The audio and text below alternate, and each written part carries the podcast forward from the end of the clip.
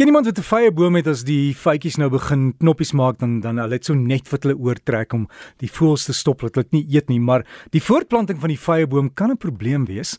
Maar ons omgewingspraatjie professor Rialet Pieters van Noordwes Universiteit het uh, so 'n bietjie navorsing gedoen en vir ons interessante nuus daaroor. Hallo Rialet.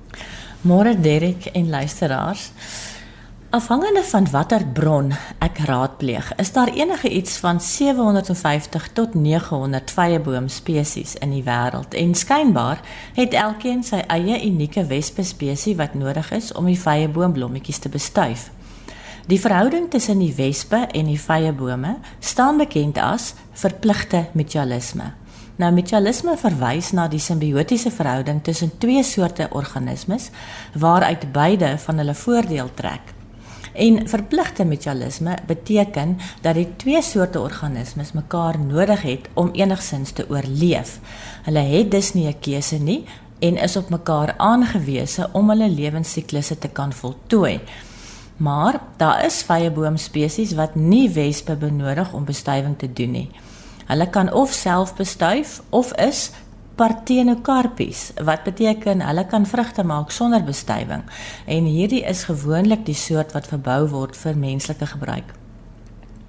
Maar hoe meer ek gelees het, hoe meer het ek onder die indruk gekom van die variasies wat in die samestelling van die vyeboomblomme kan bestaan. My hoofbronne vir vandag se praatjie is 'n 1977 publikasie in die joernaal Endeavour en 'n 2020 artikel in Frontiers in in Plant Science. Die eerste ding waarvan ons moet kennis neem, is dat alle vyeboom spesies se blommetjies klein is en as te ware binne in die kort dik stingel waarop dit voorkom, gedra word. Dit wat ons dus 'n vy noem, is 'n versameling blommetjies en die gitserigheid tussen jou tande wanneer jy in 'n ryp vy byt, is die saadjies binne in die blommetjies.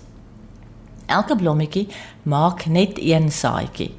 Daar is 3 soorte blommetjies twee weergawe van die vroulike blommetjie en een manlike blommetjie. Die vroulike blommetjies het net die stempel, styl en vrugbeginsel en 'n styfmeelkorrel moet op die stempel beland en in die styl afgroei om by die vrugbeginsel met die eiersel aan te kom om dit te kan bevrug en om dan die saadjie te produseer. Die twee weergawe, vroulike blommetjies, het verskillende lengtes style, kortes en langes. Die manlike blommetjies bestaan net uit styfmeeldrade met helmhokke waarbinne die styfmeel vervaardig word. En dan kry mens vyeboom spesies wat eenhuisig is en ander wat tweehuisig is. Nou die vye van eenhuisige vy spesies bevat al 3 soorte blommetjies in een vy. Maar twee huisige vy spesies het manlike en vroulike bome. En die manlike bome se vye bevat die manlike blommetjie en die kortstyl vroulike blommetjies. En die vroulike boom se vy bevat net die langstyl vroulike blommetjies.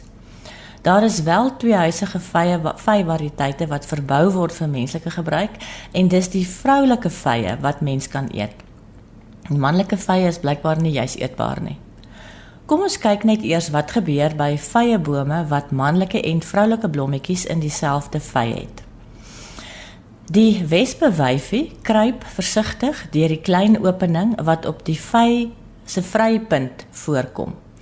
Net 'n paar wyfies kan die vy binnendring omdat die gaatjie weer begin toemaak nadat die eerste wyfie die vy betrek het. Die wespewyfies word na die vy toe aangetrek deur die vlugtige stowwe wat die vy vrystel. Die gaatjie waardeur sy moet kruip is dikwels so klein dat vlerke en tentakels afbreek wanneer sy daardeur beur.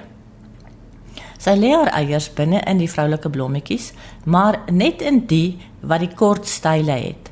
Sy druk haar lêboor in die styl van die blommetjie af en lê haar eier in die vrugbeginsel.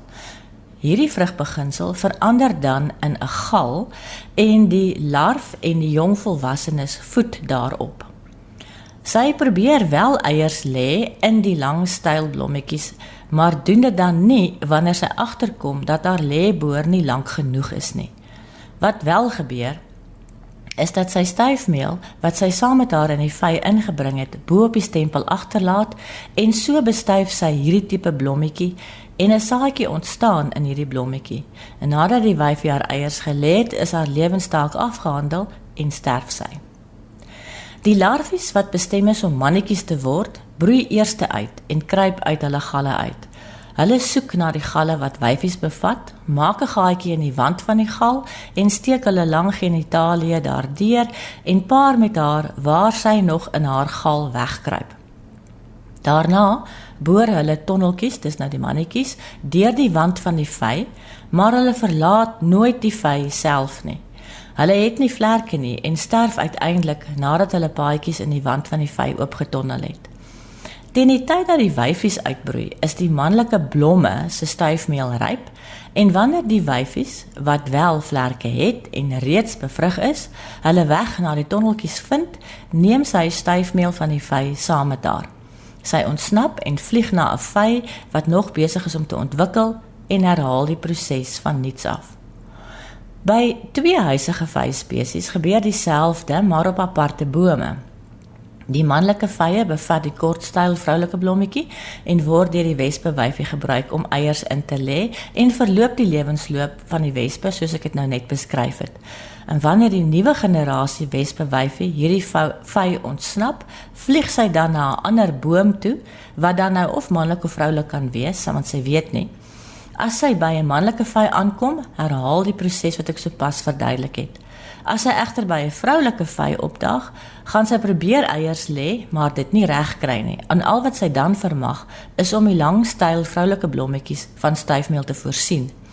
Hierdie blommetjies produseer saad en die vy word ryp. Die wespe se lewensiklus kan nie in hierdie vy verder gevoer word nie, want daar is nie eiers wat kan uitbroei nie. Net die manlike vy laat wel die wespe toe om sy lewensloop te voltooi. Uit die voorafgaande gesprek is dit duidelik dat daar wespe lykies in die vy agterbly en as jy gewonder het of jy dan nou die insekkies sou eet as jy 'n vy eet, is die antwoord ook nie so eenvoudig nie. Vyebome skei en siem af wat vesien genoem word en wat die inseklykies verteer. Die voedingsstowwe word deur die vy opgeneem en benut.